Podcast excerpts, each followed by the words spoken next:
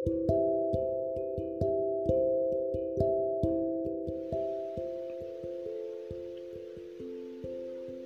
semuanya, balik lagi di podcast Galeng Kumara.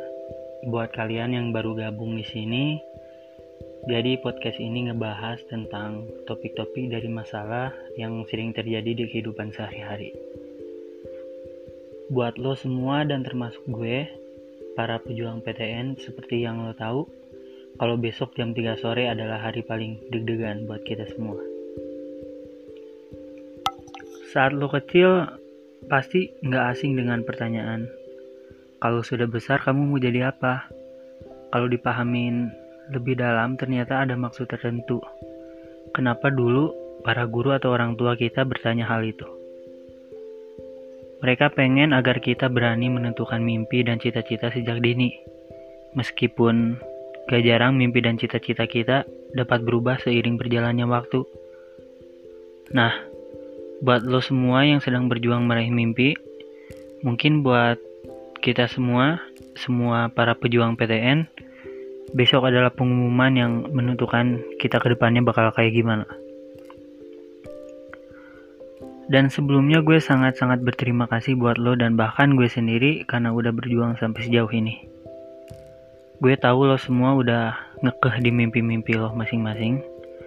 Dan bahkan gue sendiri pun sama. Saking ngegahnya gue gue bilang sama diri gue sendiri gue gak akan jadi apa-apa kalau itu bukan dokter. Itu gue. Proses mengejar impian itu emang sulit sulit banget. Tapi bukan berarti gak bisa dan bukan berarti juga kita harus nyerah buat lo yang pengen banget mimpi lo tercapai di saat-saat terakhir kayak gini jalan satu-satunya adalah berdoa maka dari itu gue ngajak buat seluruh para pejuang PTN, pejuang SNMPTN, ayo kita berdoa bersama. Kita doain, kita tahajudin untuk yang terbaik buat kita. Agar semua apa yang kita inginkan terwujud.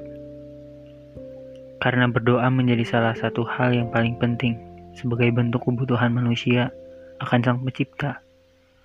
Kalau lo lagi gelisah dan merasa ingin menyerah, maka berdoa dapat ngebantu lo untuk lebih tenang, sehingga lo bakal lebih fokus dan dapat melanjutkan perjuangan lo meraih mimpi. Jangan lupa minta doa dari orang tua lo, teman-teman lo, dan guru-guru lo. Minta restu agar semua urusan kita dimudahkan sama Allah. Karena selain kerja keras, mewujudkan impian dan cita-cita juga harus diikuti dengan doa. Gue minta maaf kalau podcast kali ini mungkin bagi lo membosankan. Tapi seenggaknya ini adalah hal yang pengen gue ungkapin saat ini.